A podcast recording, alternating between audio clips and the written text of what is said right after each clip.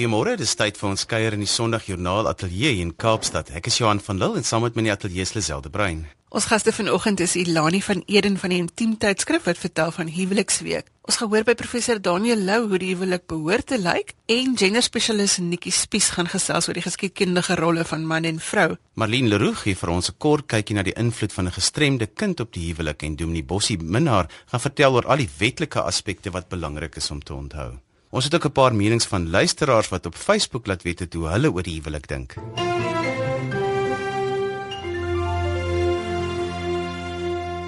Ons gesels vanoggend met Ilani van Eden van Intiem Tydskrif en sy is verantwoordelik vir die Suid-Afrikaanse Huweliksweek wat van 1 tot 7 September gevier word. Goeiemôre Ilani. Hi Lisel. Ilani, verduidelik vir ons wat is die Suid-Afrikaanse Huweliksweek? Lisel, ehm um, die Huweliksweek is 'n inisiatief wat geloods is deur Intiem Tydskrif. Dit word elke jaar gevier van 1 tot 7 September en ons is nou in ons derde jaar dat ons huwelike vier en bou. Hierdie instelling inspireer paartjies om op die welstand van hul huwelike te fokus en sodoende 'n heel gesin en ook 'n gesonde samelewing te vestig. Um die toekoms van ons land is definitief ons kinders en een van die sterkste fondasies wat jy vir 'n kind kan gee is om in 'n gelukkige huis groot te word. Um daarmee wil ons paartjies toerus om die nodige visie en kennis en inspirasie te hê om sterk en gelukkige huwelike te bou. Daar's elke jaar 'n Vadersdag, 'n Moedersdag, 'n Valentynsdag en weet jy, huwelike moet ook definitief gevier word. Ons stem 100% met jou saam. Is huweliksweek 'n ding wat internasionaal gevier word? Ja, 'n um, ehm, huweliksweek is 'n uh, jy kry 'n internasionale huweliksweek ook. Um, ons is deel van internasionale huweliksweek en dit word tans in 22 lande gevier. Sommige lande het huweliksweek wat strek oor Valentynsdag, maar ons het gekies om lentemaand om lentemaand te vier want dit verteenwoordig die reinheid en groei en 'n nuwe begin. Internasionale huweliksweek se hoofdoel is om 75 deelnemende lande te hê teen 2021 en hulle het byvoorbeeld van jare konferensie in Switserland gehad waar al die verskillende lande saamkom en idees uitruil en om hulle suksesse ook te deel. So dis 'n heerlike internasionale aksie waar aan huwelike gewerk word. Julle is 'n baie klein span in Pretoria. So hoe, kry julle dit reg om huweliksweek reg oor Suid-Afrika te laat gebeur? Verseker 'n klein spannetjie. Ons is 10 absolute dinamiese dames wat werk aan huweliksweek elke jaar nou al vir 3 jaar. Um, ons het wel vinnig besef ons kan dit nie alleen doen nie en ons kan ook nie in elke dorp of stad betrokke raak direk nie. Daarom het ons 'n huweliksweek ambassadeurs reg oor die land. Ehm um, tans is daar 74 van hulle wat huweliksweek basies dryf in hulle gemeenskap. Ons mobiliseer hulle en ons gee hulle natuurlik hulpmiddels soos idees en inspirasie, plakkate en brosjures en oulike boekmerke en ekstra inligting sodat hulle dit ook suksesvol kan dryf in hulle gemeenskap. Ons het ook verskeie bekende sterre soos Jackie Lou en Von Gardner, Greta Wit, Dewold Wasserval en Heidi Berg wat ons offisiële ambassadeurs is wat ehm um, offisieel huweliksweek ondersteun saam met hulle eggenote. So wat word dan nou van paartjies verwag tydens huweliksweek? Hoe hoe word dit prakties? Wel die eerste stap vir enige getroude paartjie, huweliksweek is vir enige getroude paartjie, is om te registreer op sahuweliksweek.co.za. Ehm um, daar is ook 'n Engelse weergawe van hierdie webtuiste beskikbaar en dit is absoluut gratis. Ehm um, almal vandag is so besig met werk en kinders is veel eisend en tyd is so kosbaar. Ons gee basiese inspirasie en praktiese idees vir getroudes hoe hulle kan fokus op hul huwelik vir net een week, net om daai weekie uit te sit en net op mekaar te fokus. Um mense wat aktief betrokke is by hul kerke of gemeenskap word ook aangeraai om huweliksweek te bring na hulle kringe. Baie kerke hou reeds verhoudingsseminare of huweliksnaweke vir hulle lede in September, juis omdat hulle deelneem aan huweliksweek. Ons bied ook vir persone wat ambassadeurs wil wees in 2016 meer inligting op die webtuiste. Ehm um, daar's definitief 'n plekjie vir almal om betrokke te raak in Nuweliksweek. So, wat gebeur nou spesifiek tussen die 1ste en die 7de September? Van ons hoofthema vir die jaar is hernie jou troubeloftes. Ehm um, net om vinnig agtergrond te gee, ons het laas jaar Suid-Afrika se eerste Love Beach laat oprig in Pretoria in die bekende Magnolia Dal. En um, dit is nou 'n brug waar verliefdes 'n slot vasmaak um, om hulle liefde vir ewig te seël en waarheen hulle elke jaar kan teruggaan um, net vir mooi herinneringe. En um, nou hierdie Hierdie loods was 'n absolute sukses geweest en ons vier sy eerste bestaanjaar hierdie jaar tydens huweliksweek. Ehm uh, met 'n feesviering op die oggend van 5 September waar getroudes dan hulle troubeloftes kan kom hernie tydens 'n seremonie.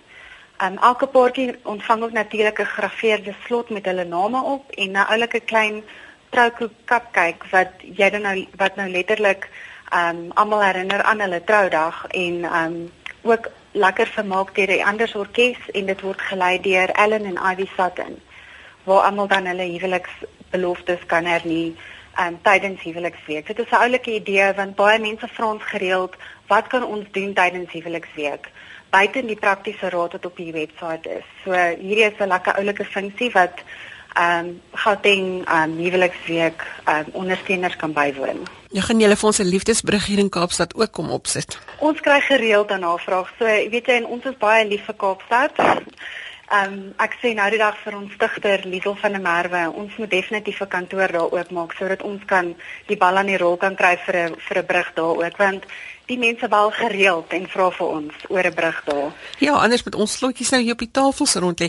Maar sê gou-gou vir my, is 'n huweliksweek vir enige huwelik? Beslis. Um, ons gee inspirasie vir gelukkige huwelike om die vlam in die brand te hou en dan gee ons ook hulp met en hoop vir huwelike waar dit nie so goed gaan nie.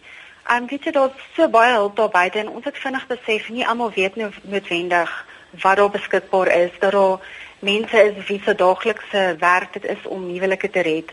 Ons wil 'n bron van inligting wees vir hierdie paartjies voordat hulle heeltemal opgee. Jy het uiteraard 'n webwerf waar mense inligting kan gaan kry. Gee vir ons daai detail. Enige paartjie kan registreer by www.sahuweliksweek.co.za.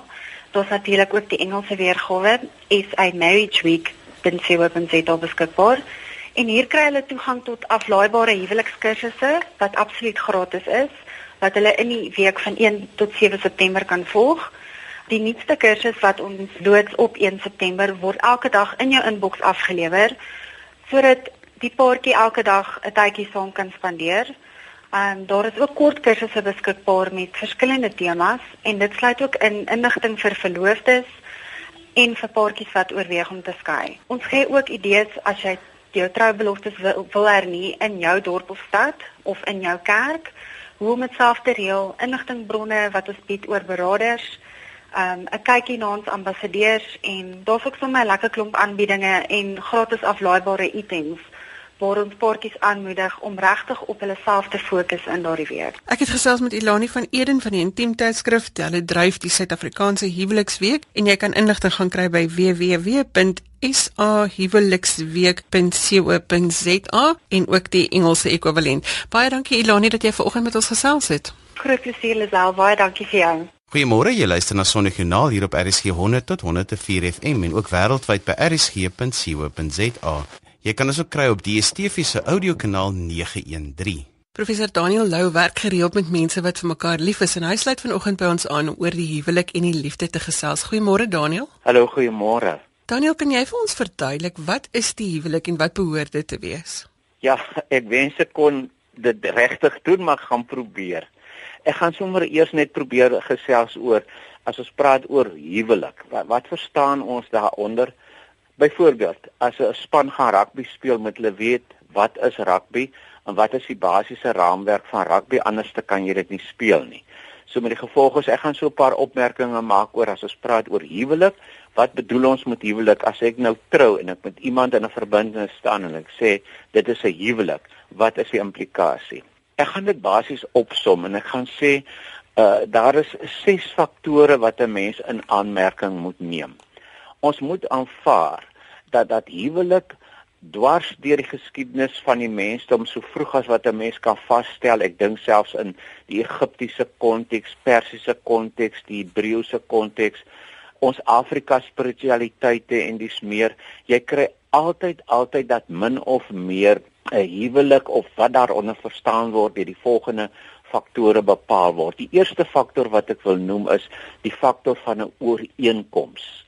Dit lyk vir my dat wanneer 'n mens praat van 'n huwelik dan sê jy daar is 'n wederwysige instemming van twee partye waarin hulle baie spesifieke keuse gemaak het. En daardie keuse is gebaseer op wederwysige gelykwaardigheid en 'n wederwysige aanvaarding van mekaar. So ek sou sê kom ons sê die eerste faktor van ooreenkoms. Ek dink nie 'n mens kan van 'n huwelik praat as jy sommer net mekaar gryp en daar's geen instemming en daar's geen werklike ooreenkoms tussen die twee betrokke partye nie. Dis die eerste faktor. Die tweede faktor wat ek wil noem is die van verskansing. Uh, as 'n mens kyk na hoe huwelike in verskillende kulture funksioneer, dan is daar altyd 'n faktor van verskansing wat beteken dit moet bekragtig word of daar moet 'n bepaalde erkenning kom. En dit is waarom jy kry dat daar in alle forme van huwelik 'n soort van 'n juridiese komponent ingebou is. Natuurlik is dit ook om die faktor van menswaardigheid en geregtigheid te verskans. So dit lyk vir my uh die faktor van 'n bekragtiging en 'n ooreenkoms waarin daar soort van 'n juridiese verskansing is, dis belangrik tot die verstaan van huwelik. En ek noem dit omdat dat dikwels vandag gedink word jy gryp mekaar en jy kyk hoe dit gaan en jy leef nou maar net eenvoudig saam en ja, dinge sal uitwerk of nie uitwerk nie, dan los jy mekaar. Uh, dan is ons maar bloot nog op die eksperimentele vlak, maar dan kan ons nog nie regtig praat van huwelik in die diepste sin van die woord nie. Kom ons kyk na die derde faktor. Uh, ek dink uh, wanneer mens weer eens na alle forme van huwelik kyk, uh, dan sou jy kon sê uh, 'n huwelik is gebaseer op die faktor van waarborg. Dan moet 'n vorm van kontinuïteit ingebou word. Nou uh, baie keer as 'n mens kyk na hoe huwelike funksioneer, dan sou jy sê daar is 'n baie skerp behoefte aan permanensie en veiligheid. 'n uh, korttermyn kan nie as 'n huwelik geld nie. 'n korttermyn soort van eksperiment of 'n flirtasie of 'n probeerslag. Ek ek dink dit is voor dat 'n mens van huwelik kan praat. So huwelik het dus te doen met die faktor van kontinuïteit, waarborg en permanensie. Nou nou weet ek dat veral in ons huidige 21ste eeu wat baie sterk op funksionaliteit en pragmatiese faktore ingestel is dat hoe minder en minder ehm um, mense aandag gee aan die faktor van 'n status van 'n instelling. Hoe meer word dit gefunksionaliseer uh, dit word 'n kits aangeleentheid en mense sou kon redeneer wat ook na die program luister en sê ek soek nie meer hierdie waarborg nie, ek soek nie meer hierdie permanensie nie, maar omgekeerd. As 'n mens na die impak van die psigologie van 'n huwelik kyk, dan lyk dit vir my sonder permanensie of waarborge is mense blootgestel aan wat ek wil noem die angs vir verlies, die angs vir verwerping. En verwerpingsangs ondergrawe eintlik alle verhoudings waarin mense werklik waar meer soek as maar net in 'n oomblik van frustrasie of uh seksuele behoeftebevrediging of emosionele behoeftebevrediging. Kom ons kyk na die uh volgende faktor. Ek wil dit noem die verhoudingsaspek, die sosiale verhoudingsaspek. En dit lyk vir my dat wanneer jy binne 'n huwelik funksioneer, dan is dit nie maar iets wat jy op 'n eiland, op 'n Robinson Crusoe eiland doen nie jy jy doen dit binne menseverhoudings en en menseverhoudings beteken ander mense is ook betrokke by die feit dat jy in jou sanksie funksioneer as 'n huwelikspaar. Uh daarom is familie betrokke, vriende is betrokke, ander mense is betrokke, werksomstandighede is betrokke. So jy kan nie die verhoudingsaspek binne 'n sosiale kultuurkonteks ignoreer nie. Daar is kultuurnorme wat funksioneer uh, waar jy jou nie kan lig nie. Al is dit nou moontlik in ons globale lewensbestel om te sê ek maak soos ek wil, beteken dit nog altyd dat in plaaslike kontekste is jy uitgelewer aan 'n sosiale verband. Ek kom nou by die laaste ene. En uh, dit is die uh, faktor wat ek wil noem van uh toewyding. Toewyding. Uh, dit lyk vir my wanneer 'n mens van 'n huwelik praat, praat 'n mens van die faktor van toewyding en dat met toewyding is dan baie spesifiek 'n komponent van ons menswees aan gekoppel, naamlik liefde. Ek, ek dink nie 'n mens kan van huwelik praat sonder die faktor van liefde nie. Nou moet ek miskien net hierop 'n bietjie meer in diepte ingaan. As ons van liefde praat, waarvan praat ons? Natuurlik het liefde 'n romantiese ideaal dit is 'n emosionele faktor, dit is 'n erotiese komponent en dis meer en natuurlik speel romantiek en positiewe en konstruktiewe emosies soos van ek hou van die ander persoon. Dit speel natuurlik 'n rol en daarsonder sou 'n mens nie 'n uh, 'n uh, dinamiese huweliksverhouding kan vorm nie. Die ander komponent byvoorbeeld uh, wat 'n mens kan noem in terme van liefde is 'n seksualiteit. Nou bedoel ek onder seksualiteit nie net seks as gemeenskap of forme van gemeenskap nie. Ek bedoel seksualiteit as 'n baie breër faktor van waardering van twee mense waarin die liggaamlike en die menslike genitalie inderdaad 'n rol speel. Ek bedoel jy kan tog nie lief hê uh, sonder ook daardie verband as jy dit in 'n huweliksverband noem nie. So seksualiteit as 'n breë grondslag vir 'n verhouding uh 'n liggaamlikheid as 'n belangrike uh faktor van 'n medium waar binne-in jy jou kommunikasie oordrag van waardering doen is inderdaad belangrik. Jy praat nou van spiritualiteit. Ons fokus op gelowige huwelike. Wat 'n rol moet geloof in jou huwelik speel? Die werklik normatiewe aspek in 'n Christelike uh, huwelik word gebaseer en dis baie moeilik om dit in een woord te sê want jy het in die Bybel geen werklike norm van 'n goeie huwelik nie. Jy kan maar al die huwelike vat in die Bybel van Abraham se huwelik of Dawid se huwelik en die koning se huwelike en dis meer nêrens word hulle beskrywe op so 'n wyse ek kan sê dis nou die norm nie, nê. Maar as 'n mens gaan na 'n Christelike uh, liefde toe en dan vra jy hoekom trou Christene?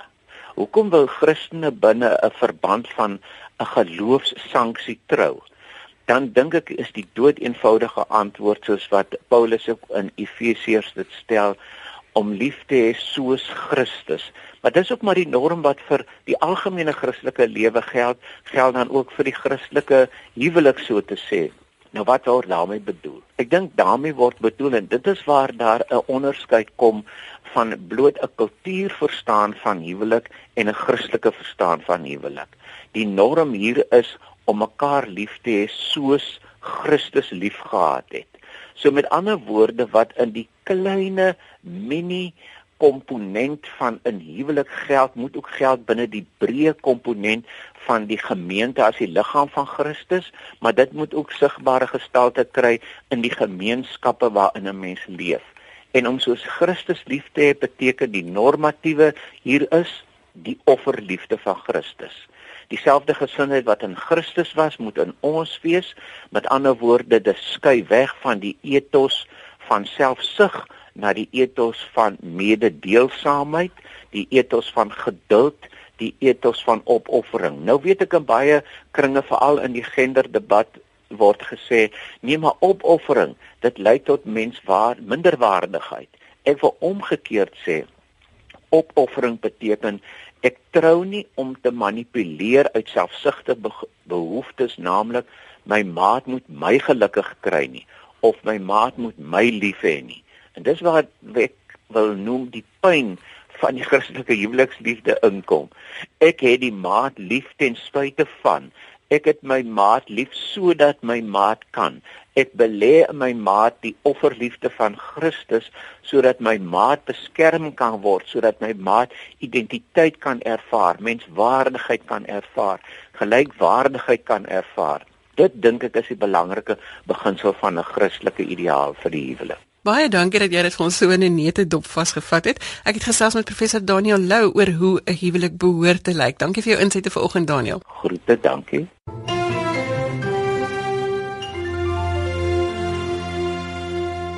Op Facebook het Lisel gevra wat julle dink oor die huwelik. Is dit net 'n wettige verbintenis en is dit nog nodig dat die kerk daarbey betrokke is? Trou mense nog in die kerk of is dit deesdae net op wynplase? Ons het heelwat reaksie daarop gekry en onder andere skryf Edouard Nodee Hoekom in die plek waar ons heeltemal eensstemmig is en waar die Here teenwoordig is jou huwelik voltrek? Nou hy noem drie goeders. Hy sê wel daar's drie fasette aan die huwelik en ek glo mense kan dit alleen uitvoer met die volle erkenning dat die Here ons hiertoe roep en in staat stel. Die eerste ding wat hy onderstreep is die huwelik is die moeilikste verhouding waarin 'n mens jou kan begeef. Hy sê mens hoef nie daarop uit te brei nie. Die tweede ding is dat die huwelik is die noodsaaklikste verhouding waarin 'n man en 'n vrou hulle self aan mekaar kan gee en die derde ding wat hy sê is dit is die verhouding wat die meeste beloning gee van alle verhoudings. En om hierdie bo menslike onderneming op jou te neem, verkies ek dit om dit te doen onder aanroep van die Here se naam. Dankie Edwan vir jou mening daar.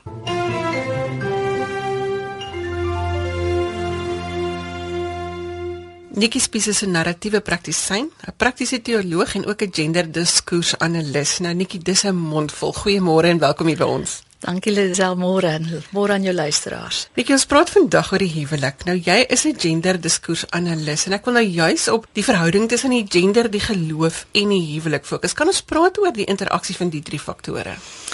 Ja, ek ek gesels graag daaroor. Eerstens wil ek net vir mense sê, wanneer ek bietjie later in ons gesprek net 'n paar dinge uitlig wat moeilik is wanneer die drie bymekaar kom, wil ek nie sê dit is altyd so nie.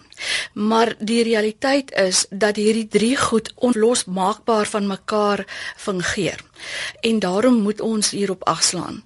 Ek dink As jy kyk na Suid-Afrika in in die sensus lyk dit ons sê die mense omtrent so by 70% van ons bevolking is gelowige mense. So die afleiding wat mens maak en wat mens wêreldwyd ook dan nou sien uit navorsing is dat geloofskonstruksies 'n baie groot rol gaan speel in hoe mense hulle lewens en hulle verhoudings inrig. As ons gaan kyk spesifiek na die ehm um, Christen geloof en die tipe diskoerse wat vir vir eeue gefungeer het daar, word mans en vroue in baie spesifieke rolle ingeplaas. En daar is Vandag sal baie mense vir my sê, "Jessie Nikkie, maar wie jy, ons doen dit nie meer so nie. Dit ons doen dit anders." En ek stem saam. Ek kom te met baie uh, mense wat wel dit anders doen. Maar tog is daar hierdie tendens dat wanneer dit begin moeilik gaan in 'n verhouding, wanneer daar addisionele druk in 'n verhouding kom, 'n uh, ouer moet intrek, daar is skielik kinders in die huis. Um die tipe van dinge sien ons dat daai tipiese tradisionele opvattinge oor wie behoort wat te doen en hoe dit uitspeel dan skielik na vore tree. En in en dit kan dan baie negatief wees vir beide persone in die verhouding, maar gewoonlik vir vroue spesifiek. Nou kom ons gaan kyk, hoe is vroue ehm um, word dit vir hulle voorgehou wat is hulle veronderstel om te wees as ons nou gaan kyk hoe mense dikwels die Bybel lees en interpreteer. Baie keer word daar dan nou in vroue die volgende eienskappe en rol rolle toegedig. Jy is veronderstel om die versorger te wees. Jy is veronderstel om die minste te wees. Ons hoor so gereeld daai ding van 'n vrou bepaal die hele atmosfeer in die huis. So jy op jou skouers word gelaai. Ehm um, jy moet almal se emosionele welsyn kom lê op jou skoot wat ek dink 'n geweldige onbillike eis aan enige persoon is, man ja, of vrou. Ja, want dit het ook dan die implikasie dat dat niemand jou nou hoef te dra nie. Ja. En daai ding van jy as vrou huil binne toe maar nooit buite toe nie. Jy moet altyd sterk wees. Jy raak nie moeg nie. Jy moet altyd akkommoderend wees. Jy moet nie te sterk opinie sê nie. Jou man het nog steeds altyd die finale sê. Jy weet ek is vir my altyd interessant hoe mense die die hoofskap van 'n huis um, interpreteer as as die baaskap wat dit seker sekerlik nie beteken nie. So wanneer ons na hierdie goed op 'n praktiese vlak gaan kyk, word die vrou geweldig belaad met met amper onmoontlike eise. Nou in vandag se tyd werk baie vroue en asseblief let wel ek sê nie hulle hoef te werk nie. God het ons vroue ook met ambisie geskape en met gesonde verstand.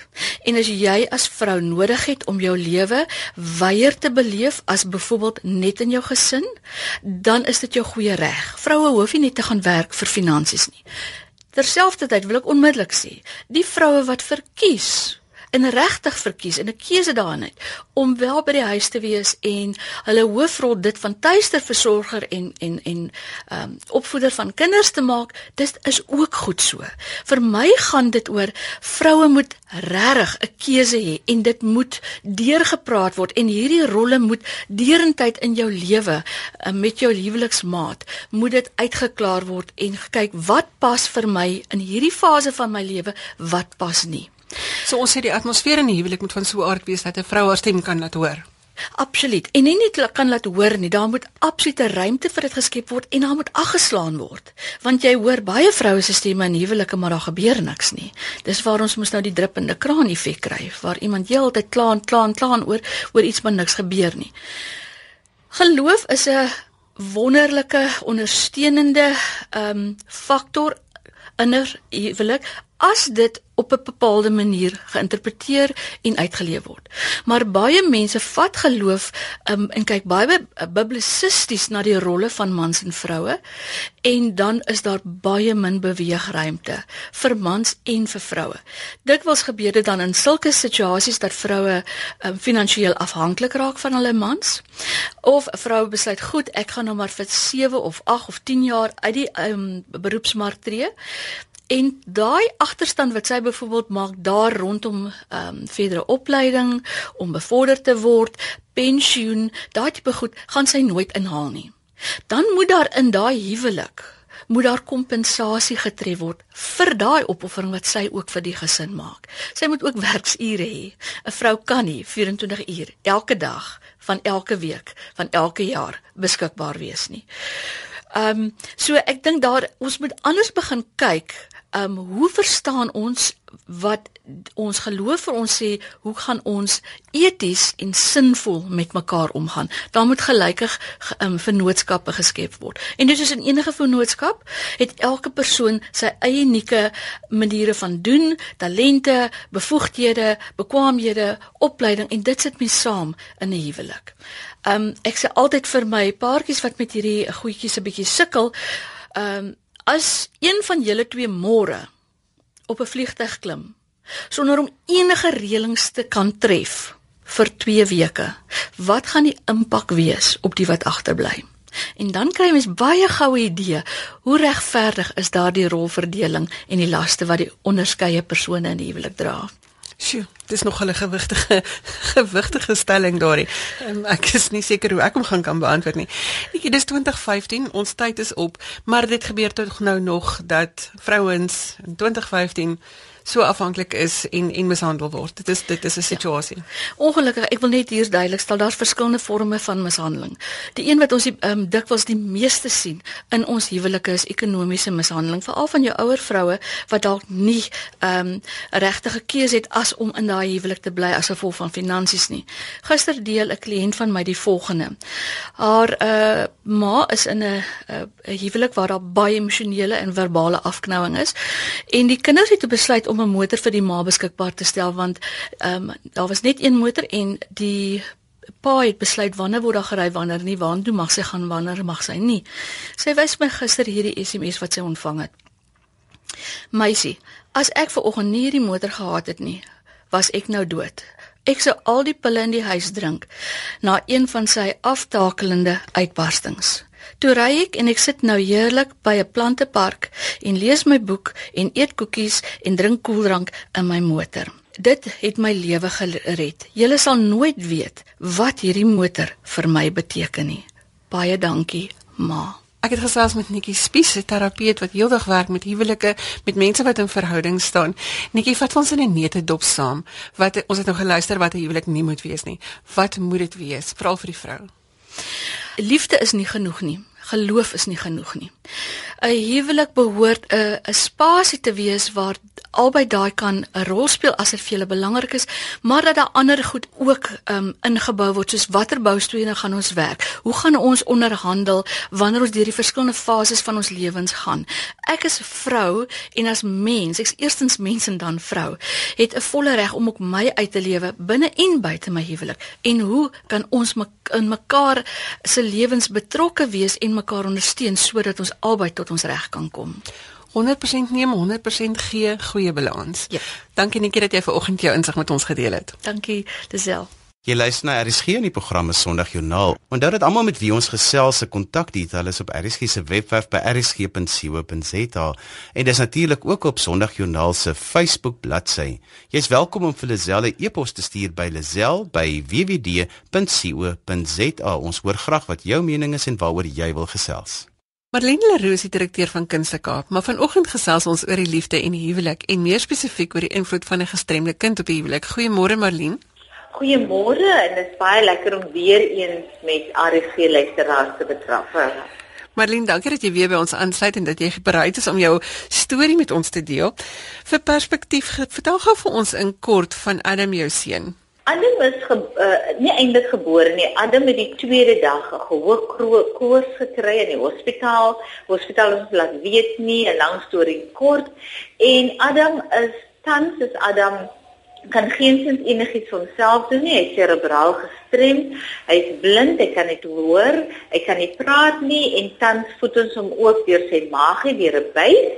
So hy het twee voltydse verpleegsters en ek is eintlik baie geseën dat ek dit wel kan bekostig nog op die oomblik dat na hom kyk voltyds en ek kan u wel sê dit is 'n geweldige nie spanning nie want ons het hom totaal het ons vir hom omarm in ons in ons huisgesin maar dit dit is wel geweldige strenginge wat dit wel op die gesin op jou huwelik wat dit wel sit want jou hele lewe en jou uitsien van die lewe het heeltemal verander. Ek wil nou juist vir jou vra want normaalweg met gewone kinders met hulle programme en so aan is dit nou nogal rof op 'n mens se tyd en mense beskikbaarheid in 'n mens se huwelik. So hierdie moet nogal 'n ekstra stremming bring. Dit is heeltemal ek ek gaan nie alleen vertel nie want onthou jy moet 'n kind aan die lewe hou jy moet die kind liefde gee, moet voeding gee, dis medies wat die kind moet sien. Dit is basis op 'n maandelikse basis dat jy verskillende dogters moet gaan sien. Dit is fisioterapeute, dit is dieetkundige.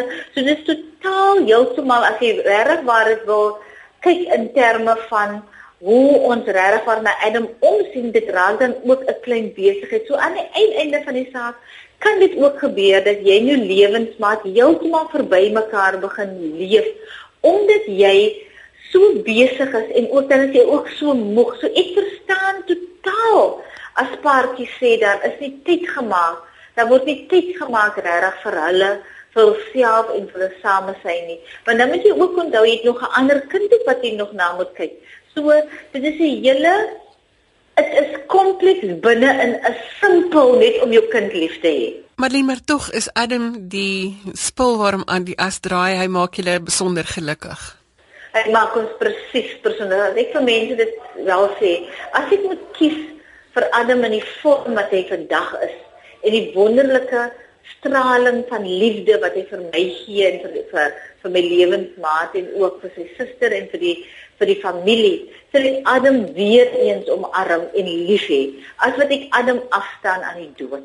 So Adam is 'n seën in my lewe en Adam is die sonskyn in sy lewe. Maar ek wil ook net vir luisteraars sê dit gaan nie sonder dat jy werklik waar voel sonder jy is heeltemal uitgeput van die lewe nie. Paulina wil ek vir jou vra, speel geloof 'n rol in in hierdie hele situasie van hoe jy dit hanteer? Dra dit jou ehm um, moet mense dit hê hoe werk 'n mens met geloof in so 'n situasie? Geloof is lewe. Geloof is wanneer jy glo dat dit is God se hand wat in Adam is. Ek sien elke dag 'n engel, ek sien elke dag God se plan in Adam se lewe en in my lewe. So jy moet regtig 'n sterk geloof hê. Daar is so daar wat ek heeltemal af is en dan tel geloof weer vir my op en geloof is dan my blomme wat aan my teruggegee word. Marlene baie dankie dat jy vanoggend jou hart met ons gedeel het. Ons waardeer dit. Ag baie baie dankie en ek hoop ek kan iemand anders ook se lewens verryk deur my verhaal. Dis ja, hier's nog terugvoer van 'n luisteraar op Facebook. Lekker om 'n Engelse luisteraar Clifford James te hoor praat. Ja, Clifford sê en ek gaan dit in Engels lees. Indeed, a marriage is a legal issue and it is a binding contract which is subject to the rule of the land. It also depends on the religion of faith. However, marriage and partnership is formed and developed from a gift of love that one receives from the divine hand. So it begs to be said, If it is a gift, does it need to be made legal or even consecrated by a man-made institution? A quandary that has had many debating the issue for many moons. The philosophy behind celebrating a marriage or a union is the celebration and witnessing of a union. So no matter where or what form it takes, as long as you are surrounded by love at the occasion, that is what makes it special. Johan, ek moet sê ons het nogal heelwat aktiewe Engelse luisteraars en ons sê dankie vir elkeen van hulle se deelname. Dominee Bossie Minnar is die man wat predikante laat registreer om ook huweliksbevestigers te wees en hy sluit vanoggend by ons aan om te gesels oor die wetlike moets en moenies. Goeiemôre Bossie. Môre. Bosie, heelwat mense het kommentaar gelewer oor trou in die kerk of trou op 'n wynplaas. Wat is die amptelike reël? Wie die wet vereis dat 'n huwelik bevestig moet word in 'n gebou waarvan die deure kan oop staan. En natuurlik moet albei partye teenwoordig wees en nog twee getuies. Maar dan gaan die wet nog verder en spesifiseer baie spesifiek dat uh, die gebou wat gebruik moet word met 'n plek van aanbidding wees van die geloof waarvoor die predikant as huweliksbevestiger geregistreer is. Dit beteken baie spesifiek dan dat 'n NG predikant moet dit in sy eie kerk dan doen. Maar dan is daar twee of drie ander plekke ook nog, 'n publieke gebou soos binnelandse sake se geboue of dan 'n privaat woonhuis, byvoorbeeld dan die pastorie van die spesifieke huweliksbevestiger, die huis waar hy bly. En dan maak die wet ook voorsiening in die vierde plek vir um, iemand wat siek is, so in 'n hospitaal of in 'n versorgingsoord of in 'n ouete huis.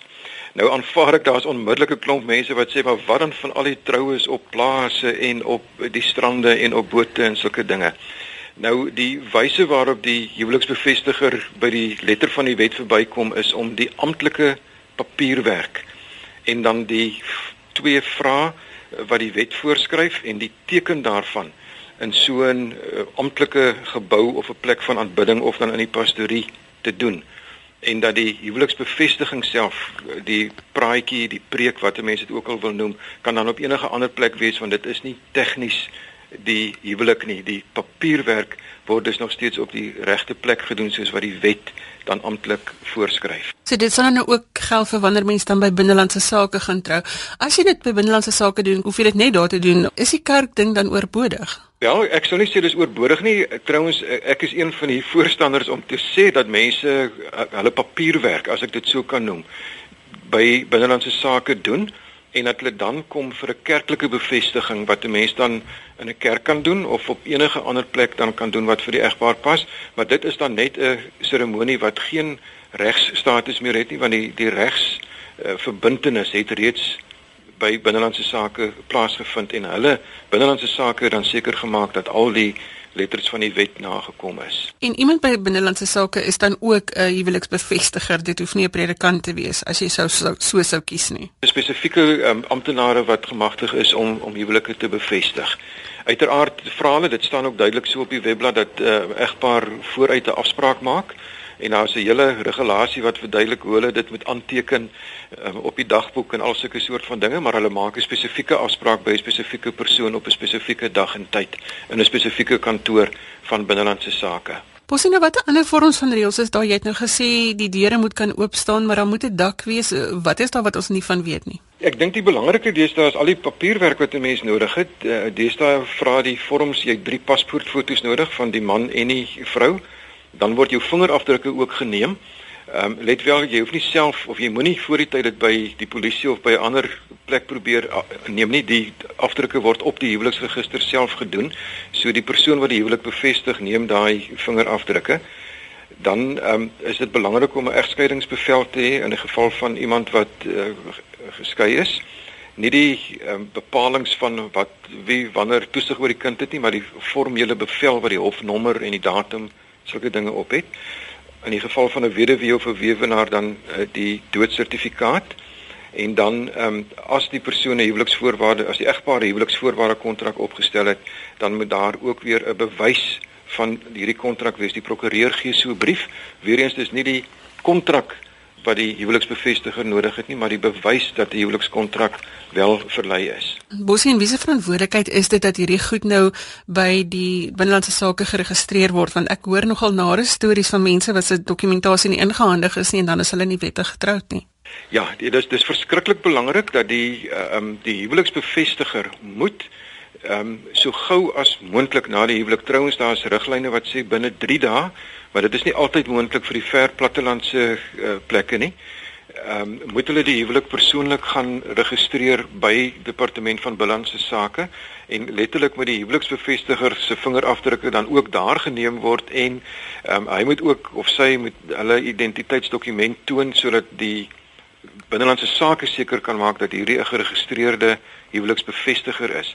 Dis ook belangrik dat so 'n huweliksbevestiger mag slegs by die kantoor waar hy of sy geregistreer is daardie uh, huweliksbevestiging gaan doen. So, ons sit byvoorbeeld in die kerk dat 'n persoon in die Transvaal of Gauteng dan nou 'n predikant was en dan nou 'n beroep Kaap toe neem en voordat sy leer nie oorgeplaas is na die plaaslike kantoor wat naaste aan sy gemeente is nie, gaan hy probleme hê want dit beteken hy moet die huwelik nog gaan registreer daar waar sy leer op hierdie uh, um, oomblik is. En dit neem soms nogal lank vir binnelandse sake om uh, so iets te doen. Ek sit nou met 'n persoon wat al 2 jaar sukkel om sy leer um, oorgeplaas te kry. En dit beteken hy hy kan intussen effektief nie 'n huwelik bevestig nie want hy kan dit nie gaan registreer nie. Dan belangrik is dat die die vorms of die boeke deesdae is is in triplikaat wat beteken die huweliksbevestiger hou die die een kopie Die tweede kopie is hy veronderstel om aan die egpaar te gee nadat hy die huwelik gaan bevestig. Daar's ruimte waar die departement binnelandse sake dit stempel en dat die offisier of die um, amptenaar van binnelandse sake wat dit ontvang het se volle besonderhede ingevul word, werknommer, identiteitsnommer, volle name en dan die stempel. En dit is die bewys wat ek het dat ek die huwelik gaan registreer het. En ek gee dit aan die egpaar. Normaalweg is dit nou nou 'n week of wat na die huwelik, so ek pos dit vir hulle of waar dit moontlik is kan hulle dit by my kom afhaal of ek stuur selfs vir hulle dit net per e-pos as ek dit geskandeer het sodat hulle die bewys het maar ek het my kontrak nagekom om die huwelik te gaan registreer. Iemand het my gevra wat ek nie die antwoord op weet nie, is wat is die verskil tussen 'n huwelik en 'n siviele verbintenis? Die siviele verbintenis lyk my maak die die wet die onderskeid. Dit is waar die departement iemand twee mense van dieselfde geslag byvoorbeeld in 'n huwelik kan bevestig. Terwyl die uh, um huwelikslisensie soos wat predikante van kerke dit het, is uh, um vir vir 'n kerklike bevestiging is net vir tussen man en vrou. Jy is heeltyd besig met huwelike en huweliksbevestigings en mense wat huwelike kan toepas. Kan jy in 'n neete dop is daar een of twee goedjies wat jy aan kan dink wat ons moet aanteken om te sê hierdie is die goed wat mense vergeet? Die groot moeilikheid is vir mense wat met iemand trou wat nie 'n Suid-Afrikaanse burger is nie wat jy tipies of maklik in Suid-Afrika kry is dat iemand uit Namibië byvoorbeeld nou hier bly, maar die persoon het Namibiese burgerskap, dan is dit volgens die wette buitelander. Is hierdie huwelik aan 'n hele klomp ekstra reëls onderworpe omdat dit 'n huwelik met 'n buitelander is. Nou jy mag glad nie so 'n persoon in die huwelik bevestig waar een van die partye nie 'n Suid-Afrikaanse burger met sy groen identiteitsdokument met die streepieskode in dit of dan nou die nuwe identiteitskaart het nie. As die persoon nie die volgende goed het nie, hy moet nommer 1 letter of no lawful impediment. Dis 'n brief wat hy van sy land moet kry om te bevestig dat dit 'n ongetroude persoon is. Nou die onmiddellike moontlikheid is dat al die statebondlande byvoorbeeld geen nie sulke briewe nie. Jy kan maar vergeet om uit Engeland of Australië of uit Kanada so 'n brief te kry. Hulle kan nie dit vir jou uitreik nie. Dan moet so 'n persoon 'n beëdigde verklaring kry. Tweedens moet die ehm um, sê die wet baie duidelik in al hierdie goed wat ek nou sê kan mense gerus maar self gaan lees op DHA se webblad ehm um, dha.gov.za. Ehm um, onder notices staan daar baie duidelik ehm um, hierdie hele riglyn van sulke buitelandse huwelike. Dan dan is die vereiste van die predikant moet moet die paspoort van die egpaar 'n kopie van maak en dit neem na 'n uh, immigrasie amptenaar en die immigrasieamptenaar moet dan nagaan of hierdie persoon uh, wettig in Suid-Afrika is en of dat hy wettig in die huwelik mag tree ensovoorts. Tweedens moet uh, um, hierdie egpaar ook 'n onderhoud voer met iemand by die departement van binnelandse sake wat gaan verifieer dat hierdie troue nie net daar is om uh, iemand makliker burgerskap te gee of toe te laat in Suid-Afrika nie, maar dat dit 'n uh, uh, bona fide huwelik is wat gevoer moet word. Nou albei hierdie dinge sê vir my dat voordat ek probeer om so egpaar in die huwelik te bevestig, ek net eenvoudig vir hulle sê, julle is baie welkom, maar gaan direk binnelandse sake toe sodat jou paspoort geverifieer kan word, sodat die onderhoud met jou gevoer kan word En dan uiteindelik na die troue is daar die, die verdere vereiste dat daar uitdruklik gesê word dat die um, binnelandse sake moet aan daai egpaar en um, onverkorte huweliks die sogenaamde unabridged marriage certificate ehm um, uitgedeel word. Hy mag dit nie aan die huweliksbevestiger gee nie, hy moet dit aan die egpaar gee. Wat eh, ehm uh, um, absurde soort van situasie skep. Ek het dit in die verlede gehad dat ons trou so 'n egpaar uit die uit die buiteland uit en dan mag ek nie namens hulle aansoek doen vir daai sertifikaat nie want hulle mag dit net aan die egpaar gee. Nou die egpaar kan nie elke keer terugvlieg om te kom vra of die sertifikaat nou al gereed is nie. Daarom as uh, 'n buitelander wat met 'n Suid-Afrikaner wil trou, gaan direk binnelandse sake toe kry al jou papiere daar reg en dan kom jy na die uh, predikant of die um, huweliksbevestiger en sê kom ons hou nou op die wynplaas of iewers op die strand die seremonie. Maar ons weet die papierwerk is deur binnelandse sake 100% afgehandel. Nou ja, dit klink vir my behoorlik asof perde koop regtig makliker is as om te trou. Bosie baie dankie dat jy al hierdie inligting met ons gedeel het vanoggend. Dankie. Ons is aan die einde van vandag se Sondagjoernaal. As jy op soek is na gaste se kontakdetail, kan jy geaansluit by Sondagjoernaal se Facebook bladsy en jy sal dit ook kry op RSG se webwerf onder Sondagjoernaal by die A tot Z opsie. Ek groet tot 05:30 vanmiddag wanneer ons vir die matrieks help met eksamenhersiening en onthou vandag se vak is fisiese wetenskap. Tot dan van my Johan van Lille. Totsiens. Ek groet ook namens produksieregisseur Neil Roo agter die kontroles. Tot volgende Sondag wanneer ons gesels oor mense wat na mekaar uitreik met klein goedjies wat 'n groot verskil maak sê ek totsiens.